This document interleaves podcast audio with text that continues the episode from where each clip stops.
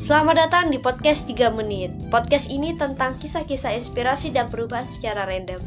Buat kalian yang malas baca buku, di sini gue bahas secara ringkas, padat, dan jelas dengan logat gue. Jangan pakai lama, langsung aja. Tema podcast kali ini adalah cekatan. Suatu ketika, Washington Post mengingatkan tentang insiden tragis yang dialami kapal Titanic. Di ruang kendali, petugas sibuk menjalankan tugasnya. Telepon berdering satu menit berlalu. Pada menit kedua, si petugas tidak mau diganggu karena terlalu sibuk. Menit ketiga pun berlalu sangat cepat. Setelah petugas selesai dengan tugasnya, barulah ia mengangkat telepon yang pesannya berbunyi. Ini tempat pengintaian pada haluan kapal. Gunung es persis di depan. Putar haluan. Dengan cepat si petugas ke ruang kendali.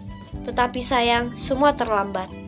Kapal megah yang diramalkan tidak bisa tenggelam itu akhirnya menabrak gunung es dan menewaskan 1.600 jiwa. Seandainya si petugas menanggapi telepon dengan cekatan, mungkin film Titanic tidak perlu dibuat. Tiga kesempatan dilewatkan begitu saja, dan ketika ia baru tersadar, semuanya sudah terlambat. Nasi telah menjadi bubur. Hal yang sama dapat terjadi pada kehidupan kita. Coba kita renungkan. Berapa banyak kesempatan emas yang berlalu begitu saja tanpa menghasilkan apa-apa. Hanya karena kita tidak sigap dan cekatan dalam memutuskan. Berapa banyak penyesalan yang tidak berarti yang harus kita alami. Karena kita sering berlambat-lambat dalam bertindak.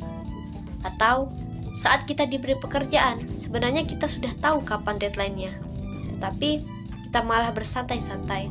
Akibatnya kita kehilangan kepercayaan dan promosi. Bila hal tersebut terjadi terus-menerus, kitalah yang paling dirugikan. Dengan begitu, timbul kalimat, "Seandainya aku lebih cepat bertindak, seandainya aku tidak meremehkan tugas itu, seandainya dan seandainya." Karena itu, sebelum terlambat, marilah kita belajar untuk lebih cekatan dan sigap.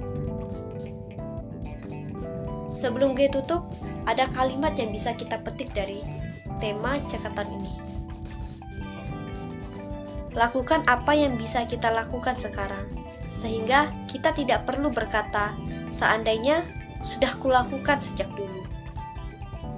Sampai jumpa di podcast selanjutnya.